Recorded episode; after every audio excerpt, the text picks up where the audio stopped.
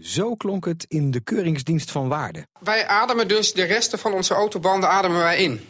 Ja, Of hoeveel plastic of rommel of, of, of rubber gaat het dan dat er, dat er per jaar zo... eh, eh ongeveer 10.000 ton. Wat er, wat er in het milieu komt. Wat, wat er van banden afslijt, laten we het zo stellen. 10.000 ton. Dus, dus, dus hoeveel kilo per inwoner is dat per jaar?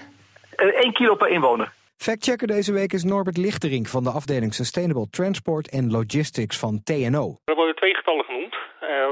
Met z'n 17 miljoen in Nederland. Dus op basis daarvan zou 1 kilo per persoon 17.000 ton per jaar zijn.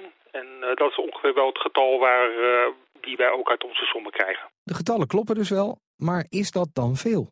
Eh, het is inderdaad zo dat eh, sinds ongeveer 2007 de slijtage eh, fijnstof groter aandeel heeft dan uit de uitlaat. En dan is daarin banden is nummer drie. Hè, dus eh, remmen is voor een gedeelte. eh wegdekslijtage voor een gedeelte en, eh, en, en banden zijn een derde component. En van die drie is, van de slijtagestoffen is de banden het kleinste deel, maar toch nog ja, significant. Zeker als je dat vergelijkt met wat uit de uitlaat komt. En dat is gek, want voor de uitlaatgassen hebben we volop aandacht. Voor de bandenslijtage nauwelijks. In het verleden was het, sprak men niet over, omdat de, de fijnstof uit de uitlaat veel meer was.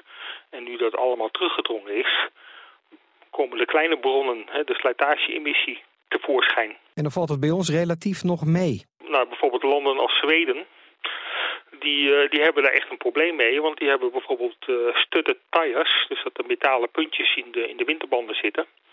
Nou, en die hebben echt eh, overschrijdingen van luchtkwaliteitsnormen door de wegdekslijtage. De slijtage van onze autobanden is dus schadelijk en per jaar komt er meer dan 10.000 ton van in ons milieu. De stelling beoordelen we dus als Helemaal waar.